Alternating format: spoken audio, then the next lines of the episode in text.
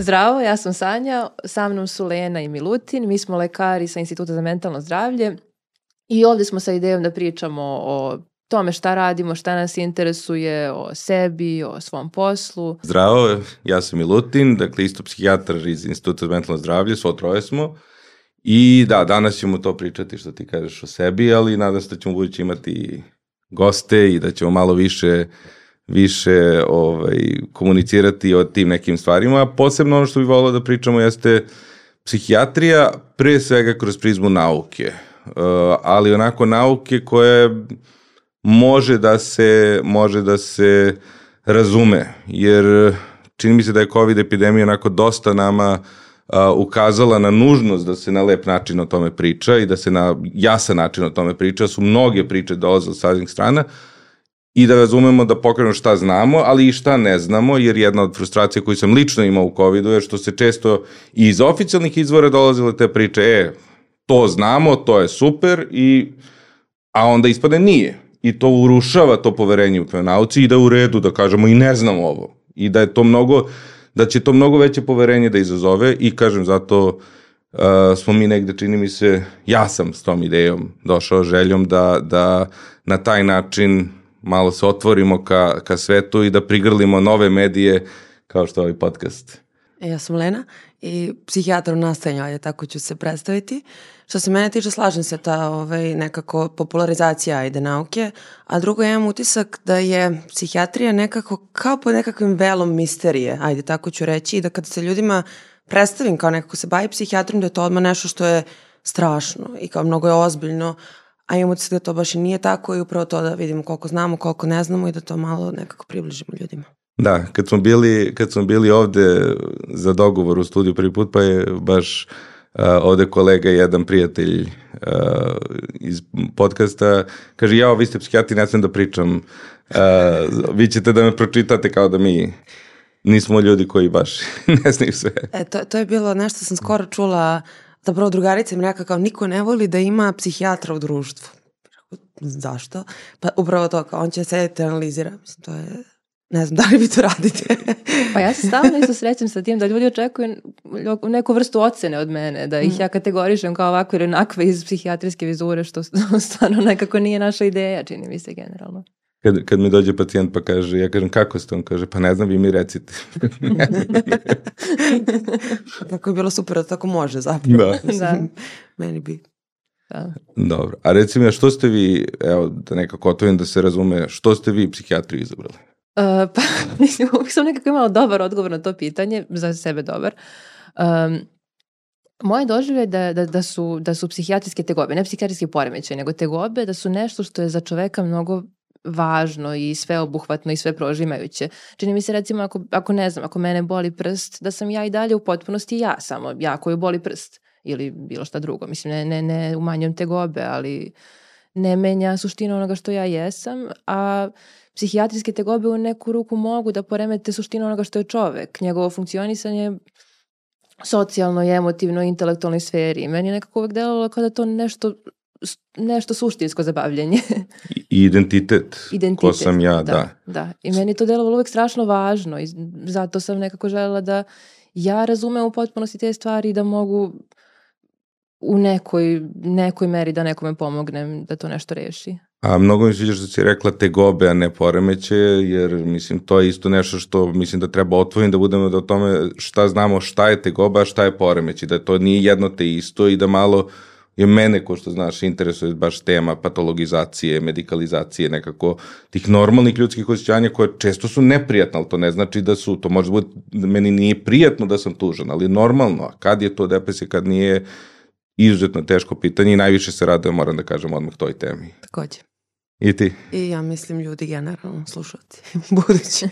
ali ne, ali rekli su je da, da za zavisnost ste dobili feedback. Da, da naj, najviše upita kao da li će biti tema zavisnosti, mada anksioznost drugo mesto. Da, s tim što anksioznost i depresivnost, ja, ja sam, to postoji jedna ta, da kažem, škola koja smatra da je to deo disforičnog spektra, dakle da anksioznost i depresivnost to nije jedno i drugo. To je sve neki onako mišmeš, neka, ja kad sam radio svoj doktorat počinjao, hteo sam da uporedim depresivne i anksiozne i ono što sam vrlo brzo ustanovio jeste da svi oni koji imaju diagnozu, što ćemo ući detalje šta to znači i da li to nešto znači uvek, dijagnozu anksioznosti imaju i depresivne simptome, oni koji imaju dijagnozu depresivne i anksiozni simptome i da tu jako teško napraviti tu distinkciju zaista.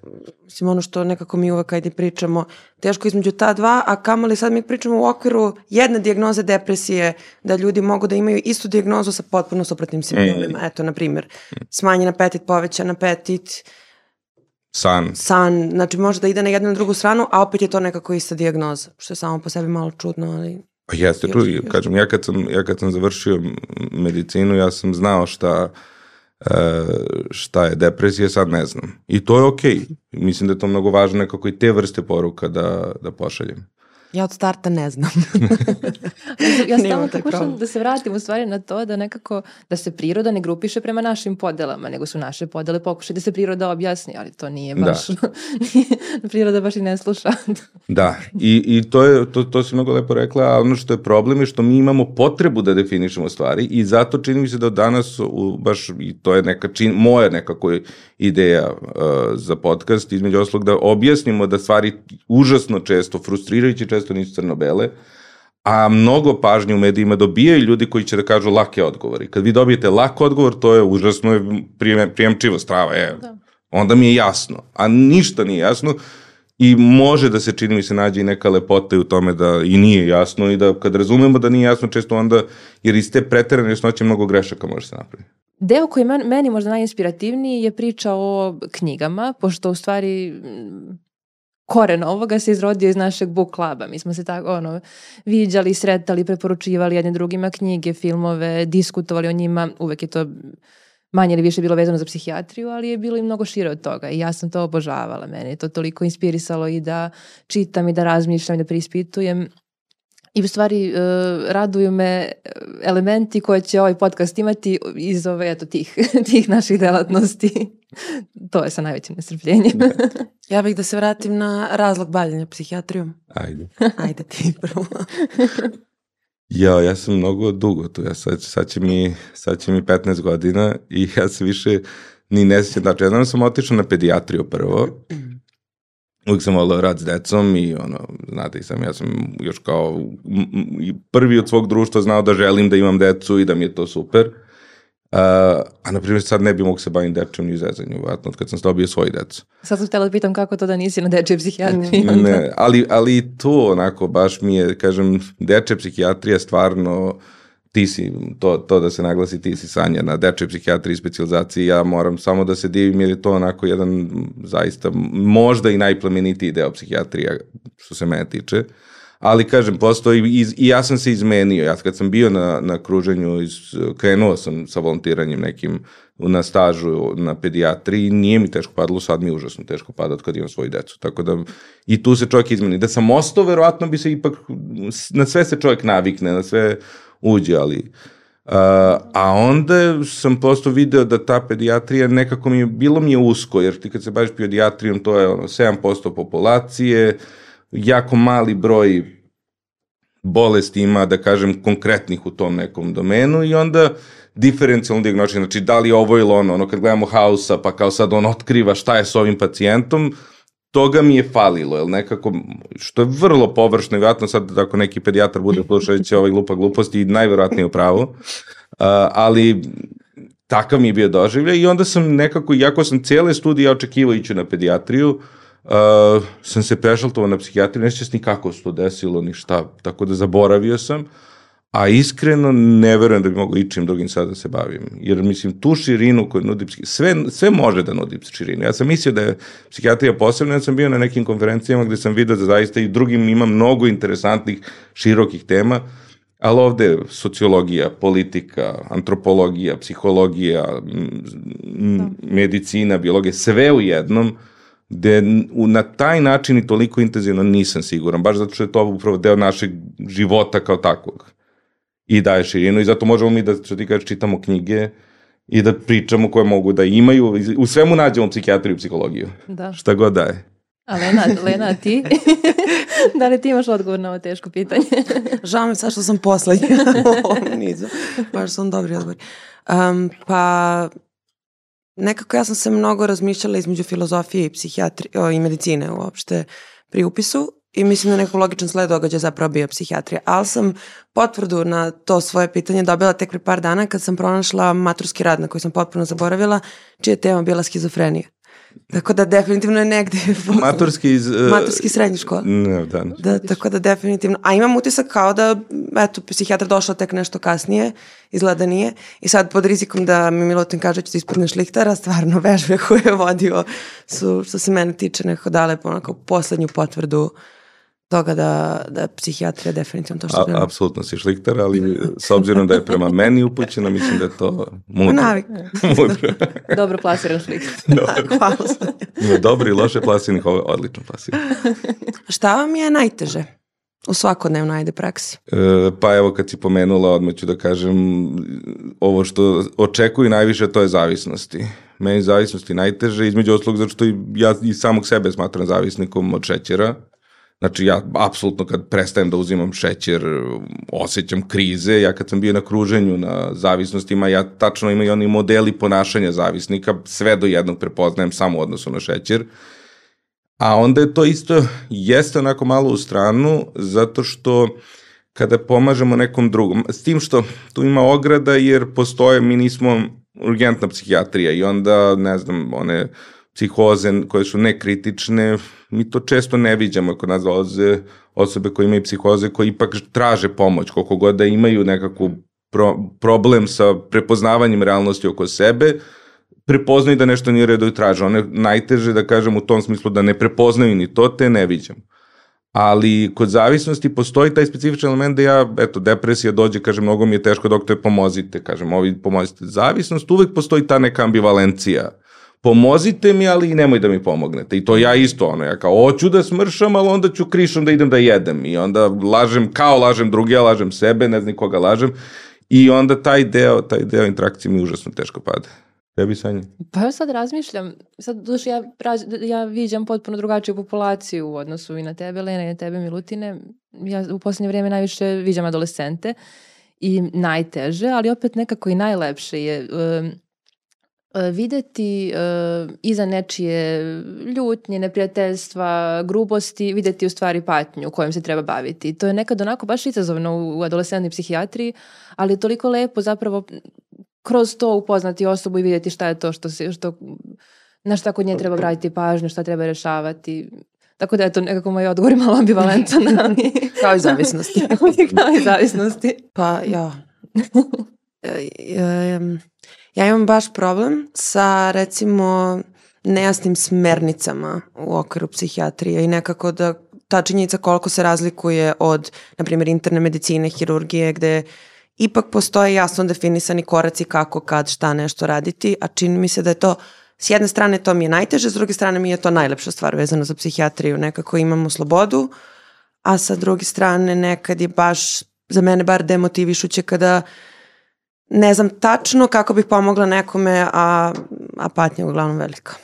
Ali ne znam da li su te smernice u drugim granama baš, ovaj, da kažem tako, tako ovaj, pa, uvek protokoli jasni. lečenja, na primjer, da. ba, bar imamo nešto. Mislim, mi, eto, i za te antidepresive, na primjer, ok, postoje neko, nekako kliničko iskustvo ili po istraživanjima, kad se šta koji daje, ali opet Pa ne, pazi, postoje neke smernice, ali su mnoge smernice, po mom mišljenju, primjer, loše i to je taj opet deo gde hoćemo. I, a Više bih se izrazila kao tačni netačni odgovor. Ja često kad tebe pitam nešto u radu, e, šta je sad ovo ili šta tačno treba da uradimo i ti sam kažeš ne znamo. Mislim, možemo da probamo ovo, možemo da probamo ono, ali mi ne znamo tačno šta će zapravo biti na kraju tačan odgovor za tog nekog pacijenta.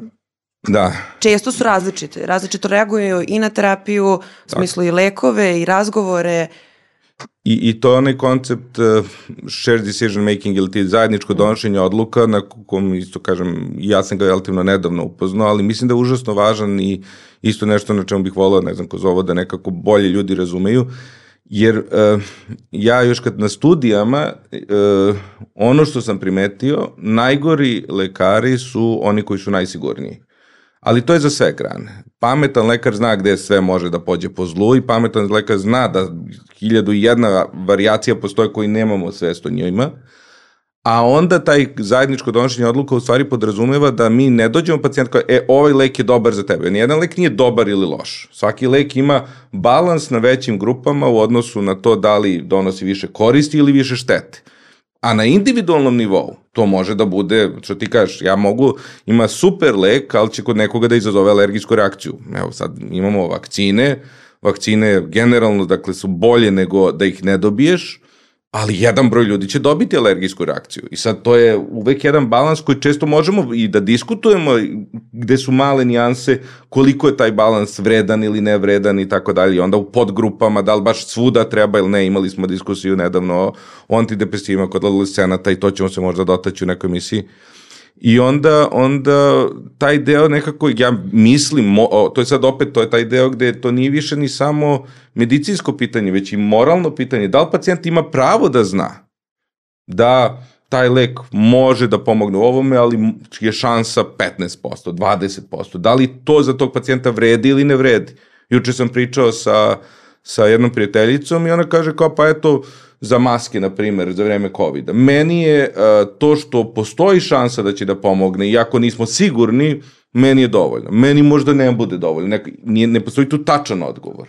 E, ali tre, ja, ja iskreno zaista verujem, ali opet to je moj moralni stav, to nije istina i zato je dobro razgovarati o stavima da je uh, da je moralno ispravno da pacijenti imaju svest o tome i da im se to kaže i da ne dođemo, e, moraš uzimati taj lek. Mene taj koncept, na primjer, mnogo nervira. Ne mora niko ništa, ne moram ni ja da, evo, ja sam gojazan, ne moram da smršam. Da li bi bilo pametnije? Bilo bi. Da ne jedem gluposti. Da li, ja ne moram to. Mogu ja da, mislim, sebe upropaštavam koliko hoću, niko ne može mi brani, jer možda je meni nepodnošljiv život bez slatkiša, I možda mi je bolje da sam gojazan, ali da imam eto tu, što ja lično mislim da nije, ali imam pravo i da mislim da Drago mi da ti je moja patnja smešna.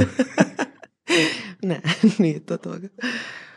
Pa dobro, uh, mislim, ja se, ja se s tobom slažem. S tim što ne... Uh, mislim da se to poprilično i radi, barem u adolescentnoj psihijatriji, sad opet ograđujem se uh, i nemam ni neko ogromno iskustvo, uh, ali se često razgovara s pacijentom o tome. Ponudimo se lek, kažemo se šta lek možda može da uradi, kažemo se da može da se sačeka sa lekom, dogovaramo se, nije... Um, Postoje ogromne variacije od lekara do lekara, apsolutno slažem. Tu mislim. rečenicu koju, koju si rekao to, moraš da piješ ovaj lek, mislim da stvarno nisam nikad čula, iskreno rečeno. ja jesam, nažalost, kažem, iz te, iz te pozicije dolazim, ali kažem, eto, a opet i tu postoje variacije. Ti imaš pacijente koji zaista žele, kažu, doktore, ne znam, ti odluči I to je validno, da prepustiš da. kontrolu neko. Ne može, e, se ti moraš da samo odlučiš. Ne, ja sam došao, ima ljudi koji žele da učestvuju u donošenju odluka, ima ljudi koji žele da, pre, ali ima, moraju da imaju mogućnost da im se prepusti odluka.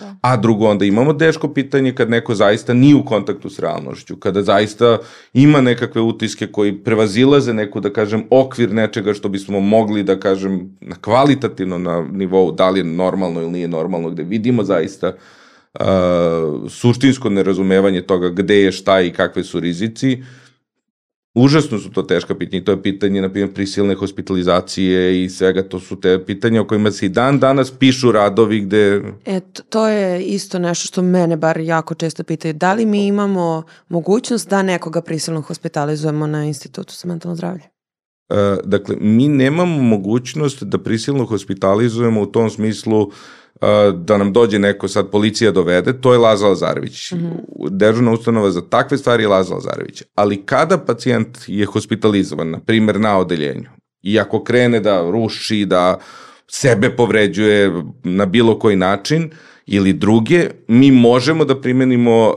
kratkoročno metode uh, sputavanja, što je onako jedna, da kažem, uh, najtraumatičnija stvar koju može čovek da doživi i meni pacijent pre svega, ali to je onako i užasno traumatično i za nas lekare. Meni, ja sećam, kad smo vezivali jednu ženu koja je pokušavala da sebe užasno povredi, meni je, ja je držim, jer ona je potpuno van sebe, i suze mi idu, ali opet znam da, je, da, da sutra će biti bolje. I stvarno je sutra bila bolje. Mi smo u tom trenutku nju spašavali, ali opet to toliko brutalno da ti nekoga onako vezuješ, meni je to onako strašno i zato mi je strašno važno o tome stalno da se etički razgovara, jer apsolutno je bilo perioda u, kroz istoriju, a ne sumnjam da i danas postoji u raznim zemljama, možda i u Srbiji, nemam dovoljno, onako, ja nisam video, opet je to, kažem, šta je to previše, gde to može i da se zloupotrebi. I mislim da je užasno, užasno važno to da, o tome da razgovara. Ovo prilično nejasno zakonski regulisano, čini mi se kod nas i dalje. Pa mislim, sve je uvek to subjektivno, znaš.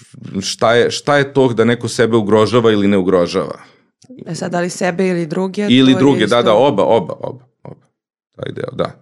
To mi se čini da bi valjda morao da bude nekakav kriterijum Ali ne možeš, drugi. psihološki kriterijum je užasno teško. Pa, Evo, nejasno. Opet. Ne, to je uvek taj, ono, znaš, da. šta je to što je, što je ugrožavanje sebe. Mislim, evo, ja ugrožavam sebe sa svom hranom, ja sebe ubijam, ali da li je to sad, da li, ne, ja sam kritičan i to je moja odluka i to je zato što neću ubiti danas, nego za, mislim, 15 godina, to je moje pravo. A ako ja hoću danas, je to nemam pravo. Mislim, što je, Mislim, to, to bi svakako moralo da bude pravo, u suštini. Svako ima pravo i na život i na smrt, jel tako je sad? Pa, ja, znaš, ka- ja imam pravo na život i na smrt u određenom aspektu, ali ti kad vidiš, sad ja već sada možda i hiljade, ali sigurno stotine pacijenata koji su hteli u nekom trenutku da prekinu svoj život i koji su kad im prođe ta bura osjećanja i to i bude im bolje i kad im bude drago da nisu ili da nisu uspeli ili da nisu ni pokušali, Uh, to je onaj Thomas Sass, on je bio taj antipsihijatrijski pokret iz sredine 20. veka, oni su, on je pričao o tome kako, uh, kako ima svako pravo da odluči. Ja, s jedne strane, ako govorimo o eutanaziji, u terminalnim bolestima, sam ambivalentan. A opet, a za ovo naše apsolutno nisam. Mislim da mi moramo sve u našoj moći da učinimo, da sprečimo, jer se prosto toliko je promenljivo, a to je konačna odluka. Ne može čovjek da donosi konačnu odluku u nekom trenutku kada prosto je to promenljiva stavka. Da, mislim da je mnogo važno da to u ovom trenutku naglasimo, da je to stvarno nešto što, evo, pogotovo ti sa svojim iskustvom, Sanja i ja, koliko smo uspeli da vidimo, mnogo se često desi da jednostavno neko dođe i da to bukvalno sutradan već te suicidalne misli, ideje potpuno prestanu. Tako da Mm. važno je, mnogo je važno nekome reći, pa, Tako je. Tako pa je. nastaviti da se priča o tome. Jeste, i to mislim, na, nažalost, nije nešto što se tako lako reši, što brzo prođe, ali na, posle nekog vremena ipak prođe uz, uz pravu pomoć. I, ovaj, I mislim, u adolescentnoj populaciji je to strašno često, mm. uvek goruća stvar i uvek nekako alarm za, za ozbiljnu pomoć. Šta mislite da, da je nekako u tim trenucima iz iskustva, jel, ono što najviše pomogne ljudima? Ja mislim da nije u tim, nego u svim trenucima je taj neki socijalni element. Prosto kada vide nekome da, da im znači i da je neko zabrinut za njih i da žele da pomogne. Jer jedna od eh, pretpostavki jeste da iza nekog tog, makar kod određenog broja pacijenata, da tu nije, to je ono pitanje da li postoji poremećaj nagona za životom, ono, mi svi imamo nagon za životom, branimo svoj život. A jedna od teza u stvari da e, nema tog poremeća, da čovjek i dalje želi život. Ali mi kao socijalna bića, bića koje želimo da smo tu za sve, e, mi kažemo, aha, ja sam užasan, moj život je užasan, ja sam teret svima, ja ću pomoći zajednici, ovim ljudima koje volim, bi, bit će im lakše da me nema. I ta onda poruka, ako ti vidiš, pa ne, ljudi žele da budeš i dalje i, i, i bit će bolje, i, jer kažem i usamljenost i nedovoljno da kažem te socijalne podrške, što je sve više tema, o čemu ćemo sigurno puno pričati, mm -hmm. to je... Meni se, moj utisak isto nije da je tu reč o poremećaju nagona, već o ogromnoj patnji, o patnji koja, koja tako prevazilazi kapacitete i mislim da, da je podrška u stvari, odnosno pojava nekoga ko, ko je voljan da se pozabavi tom patnjom i da na neki način pruži, podr da pruži nešto, pro, pomoć, podršku, je ovaj, da može da promeni stvari. I to mislim da je ono, da mi tu možemo da igramo interesantnu ulogu uh, u tom smislu da smo mi neka neutralna vrsta informacije. Onda ljudi dođu kao, e, evo ga, doktor, on zna. Kako mi često nemamo pojma, ali nije stvar u tome da li znamo ili ne znamo. Pa dobro, realno ne znamo često, ali... Fair je reći. Da, stvari, nije stvar u tome da li znamo ili ne znamo, nego stvari u tome, ok, mi uh, želimo da pomognemo, a nismo neko, jer ja uvek tako, moja supruga se ljuti na mene, ja kažem, des putem kaže, pa moraš malo da popaziš na ishranu, ono, da smaš, i onda dođe neko, setnem neko kod njega, joj što se ugojio, ja odjednom krećem na dijetu. I onda kaže, a kad ti ja kažem nema veze, mi imamo te neke emocionalne, ipak ne možemo da čujemo često bliske ljude, koliko god da nam traže, kad čuješ nekoga ko je sa strane, koje, koga tumačimo kao objektivnog, mnogo smo spremniji da čujemo nego kad imamo taj emocionalni. I onda mislim da je to mnogo naša važna uloga s te strane, a to je uvek posao, to su bili popovi, vračevi, šefovi sela, mislim, koji su ipak i onako isto bili neke mm. sa strane osobe koje su mogle da daju podršku, savet, a, a da ne opterećeni tom a, da kažem, internom dinamikom plus sa nekom vrstom autoriteta. Ali čini mi se da je to nekako važno i malo govoriti o, o porodici u stvari, jer mi tu uh, obučavamo i porodicu kako da se s tim nosi, kako da pomogne. Mm. Opet ne znam koliko je to uh, važno u, u adultnoj psihijatriji, u dečjoj, adolescentnoj, je to krucijalno. Mi nismo uvek sa pacijentima, a i porodica uči da se nosi sa tim tegobama koje, koje adolescent proživljava i centralno je raditi sa njima. Pa ne znam, eto, kako, kako su vaše iskustva sa, sa tim? Pa ja ne mislim da se nešto radi baš pretrano, moram da priznam, direktno mm -hmm. sa porodicom. A da mislim da je važno uključiti ih, mislim da jeste. Jer upravo to, ako dođu kod nas, u tom smislu te neke socijalne podrške, to će onda po izlasku ponovo biti njihovo okruženje. Tako je. A, a reci mi, ili ti teže da radiš s porodicom ili sa pacijentima? Pa adolescenta je teško videti van konteksta svoje porodice. Teško je sagledati ga van konteksta porodice. Uh, da li je teško? Pa ne, ne znam, ali mislim da je besmisleno iz, iz, izopštiti porodicu. Ne, ne, nego da li ti teško raditi sa porodicom? Da li, da li tu onako koliko se dolazi do otpora zbog toga kao psihijatrija, mešaš im se u živote, u, često čini mi se mogu da to dožive kao osudu svog roditeljstva. Da li, da li si se susretala s tako nečem? Da, sigurno, s tim što se sa porodicom radi e, timski, multidisciplinarno, nikada to neće biti samo ja koja pametujem da, da, da ne treba raditi tako i tako, nego naravno e, tim ljudi koji upoznaje i dete, upoznaje i roditelje i gleda kako da, da za dete, odnosno za adolescenta, porodica postane jedno podržavajuće, gostoljubivo mesto u kome taj adolescent može da razvija svoje kapacitete. Tako da nikada nije teret na meni nego je podeljen na, na više da. ljudi. Ali mislim da je to beskreno važno, stvarno, barem ja to kažem u, u ovoj oblasti, mislim, yes. da je, mislim da je centralno. Ne slažem se s Leno, to u svakoj oblasti centralno i ja, mo, i ja sam prvi krivac, uh, onako, ostio sam se prozvano malo od jedne strane sad. Zašto? Ove, ovaj, pa to što kažeš kao ne radimo dovoljno i mislim da, da je to i, i moja, da kažem, da često i ja zaboravim. Pa ne, ove... Inače svašta nešto super radimo, samo to bismo mogli malo Pa dobro, i eto tu si ti da, da onda podsjetiš i da malo pojačaš, da kažem, apsolutno se slažem. Ja mislim da ja ponekad malo umem da kao da, radit ćemo, ali ne dovoljno da kažem kao to su ipak odrasli ljudi, pa opano, a u stvari, u stvari mislim da je, na primjer, to jedna mana na kojoj bi morao više da radim. Često radim u dispanzeru ovako, onako, ali ponekad čini mi se da prosto i zbog nedostatka vremena i nedovoljno, da kažem, inercije, možda razmišljam o tome i eto, i ovo tome služi između oslug. To, mm, nažalost imamo ponekad tu situaciju da ljudi nemaju nikakvu socijalnu mm. podršku, to jeste nekako meni bar čini mi se najteže u tom razmišljanju šta će biti kad se mi više ne budemo viđali svakodnevno, u smislu kad više ne budu hospitalizovani. S druge strane, ajde malo da popularizujem moju dnevnu bolicu. Ovaj, nekako imam utisak da ljudi kada dođu, nakon naravno završetka, da kažemo, suicidalnih misli, da sama ta socijalizacija i sa drugim pacijentima i sa nama mnogo poboljšava njihovo stanje i da se vrlo često desi da se ljudi prijatelje ovaj, u dnevnoj bolnici, što je meni onako poprilično utešno, znajući da će ipak imati kada izađu odatle nekome da se javi, da pošle poruku koji će ih onako do kraja razumeti, jer često ljudi u okruženju baš ne mogu da razumeju to. Da, i mi smo imali one interesantne situacije, oni napravi Viber grupe, pa, pa, pa onda bude nekih drama, pa kao da li treba da im zabranimo, da. kako ćemo im zabranimo, a, a drugo ne treba. Ima, ima mišljenja kao da ne treba da se dozvoli no. druženje. Ma kak je to? Ja isto mislim da je to potpuno suština i ljudi su socijalna bića i bez toga nema ništa. Sjećam se da su neki adolescenti imali neku grupu koja se zvala Palma. Palmotićeva pa Palma. ne, pa ima, imamo stvarno razne situacije, ali ja mislim da ovo neće naći baš na lepe komentare drugih ljudi, ali ajde. Pošto smo podeljeni popriču o tome da li se treba družiti ili ne. Ma, treba. Nema. Ko, ko smatra da ne treba greši. za mnogi stvari nismo sigurni, ali za ovo jesu.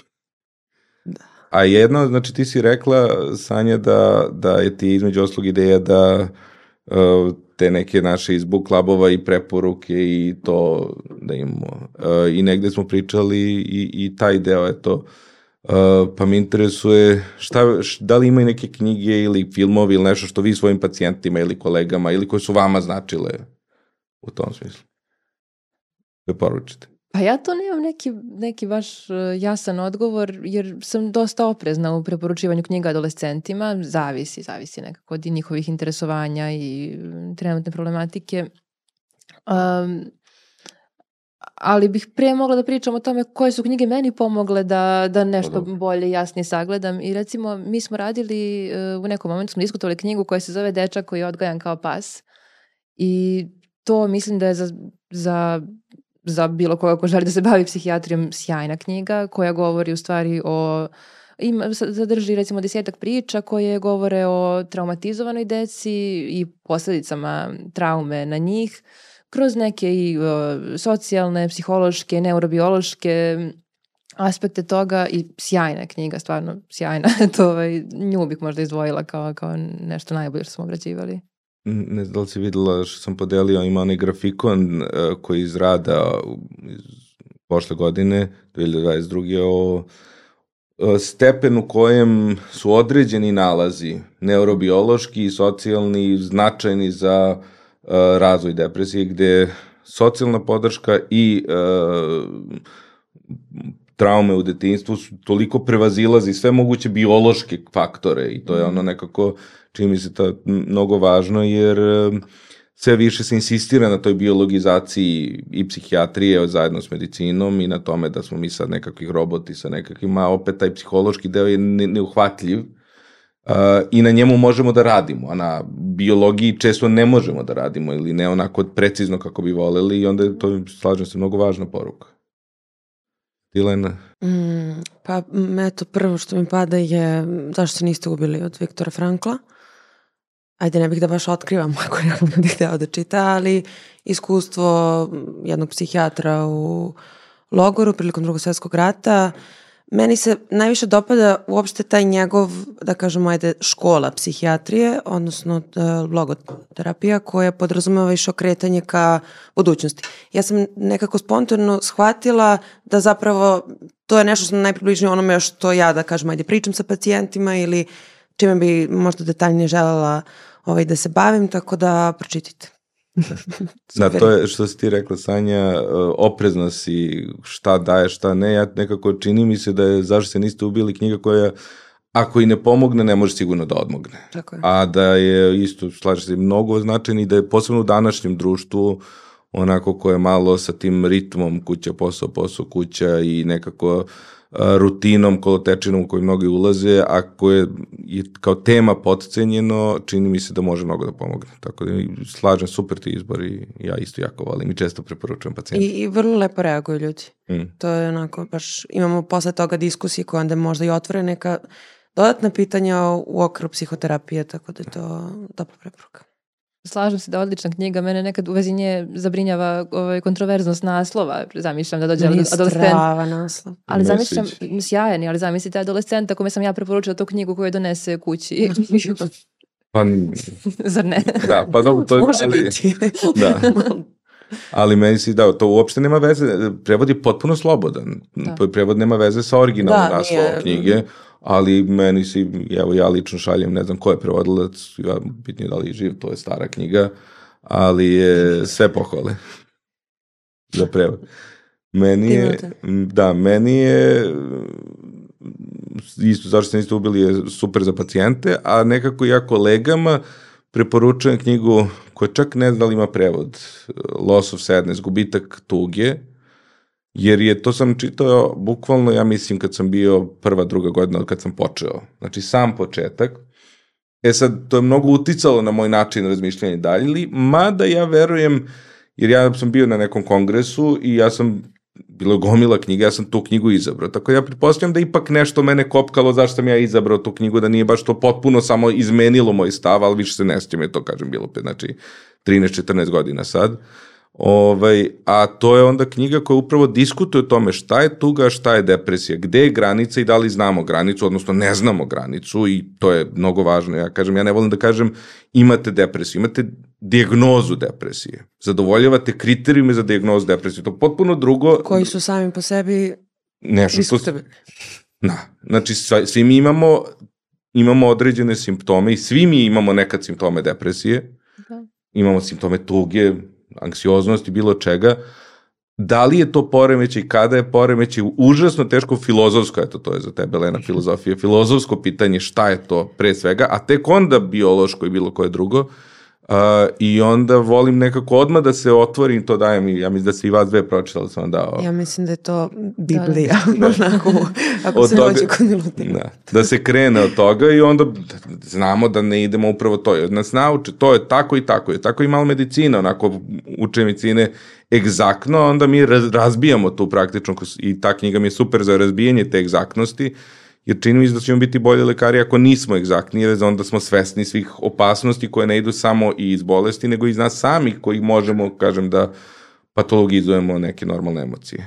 Čak jeste nastavak tog naslova je to kako smo patologizovali normalnu tugu. Et. To jeste. Neko. To sam i zaboravio. Pa Ali ovo što kažeš vezano za, za kriterijume za depresiju, recimo jedna stvar što su oni eto, ovaj, imaju neke svoje manjkavosti, a druga stvar je što mi realno nikad ne uzmemo kriterijume i čekiramo ih gledajući mm. pacijenta, mm. nego mi dajemo dijagnozu prototipski. Ovo nam deluje kao depresivan pacijent. Ja, i, I ja ne znam šta je bolje, iskreno. Ja, na primjer, uh, imat ćemo sad par dana ovaj radionicu sa uh, Martinom Plodrolom, psihologom iz, uh, iz Austrije, koji će nešto drugo da priča, ali kad sam razgovarao sa njim, On me pita kao koje vi, kako vi radite, koje upitnike i koje skale popunjavate kada dođe pacijent. I sad mi uvodimo neku institutu, se traži da se uvedu, ali mi smo u tome malo spori, jer smo i navikli na inerciju, a i lakše nam je ovako. Ali ja lično imam i otpor direktan jer nisam siguran koliko je ni to dobro da sad mi kao, eto, svi ćemo, e, tačno da dajemo diagnozu po kriterijuma, a kriterijumi sami imaju probleme i ni, da jednu lažan prizvuk uh, egzaktnosti koja ni tu ne postoji. Meni nekako, tako da je to užasno, užasno teško izdvojiti ta dva, ali dobro, kažem, i o tome ćemo kad pričamo o depresiji da pričamo i kažem, to je nešto čemu se najviše radujem. Dobro, čini mi se da, baš, da su baš sve te takve dileme i ideja i ovakvih okupljanja i razgovora, mi stvarno puno toga i ne znamo i preispitujemo i mislim da je dobro da preispitujemo. Mm je to važno. Da, to je, i tu bi se vratio upravo ovo na, za vreme covid što je nekako bilo. Imali smo ono antivakseri koji su sad kreteni, koji nemaju pojma, i imali smo ove koji kažu veruj me nauci. Šta znači verovati nauci? Ne, ne, nauka su naučnici koji interpretiraju neke rezultate koje ima hiljadu jedan faktor i to užasno. E, medicina nije egzaktna nauka, ona je aproksimativna i vrednostna, moralna nauka, da mi ja kažem, meni je vredno da ovaj lek dobijemo, da spasimo jedan život po cenu da, ne znam, dve osobe dobiju dugoroče glavobolje. Sad ja mogu kažem, pa da, vredno je svaki život i najvažnije. Neko kaže, pa ne, nećemo da nekome ima, to je previše štete. To nije, ne postoji egzaktan odgovor. Svako od nas može da ima drugačije. Kažemo tri glavobolje, on se ta način namenji. I mi to stalno imamo, dakle, tu, to stalno mora da bude otvorena ta, ta uh, nekako diskusija. Uh, I zato je važno da upravo nije cilj, čini mi se, ja bih volio da, radit ću na tome da ovaj podcast ne bude to, da mi sad kažemo ljudima šta je tačno, nego da kažemo šta znamo, šta ne znamo i da otprilike iz toga koji su najbolje preporuke gde možemo, gde ne možemo. To je drugo i tako. Naprimer, ja apsolutno znam da uh, svaka osoba koju ja sam upoznao, koja je došla, kažem, to sad možda i hiljade pacijenata, koje su imale uh, suicidalne misli, su uh, u nekom trenutku su im prošle. I to je strašno da ti onda sad to uradiš, ti ne bi doživeo trenutak kad ti proći. To je sad nešto što je egzaktno u tom nekom smislu. Prilično. S druge ima gomila stvari koje nemam pojma ili koje su vrlo neegzaktne.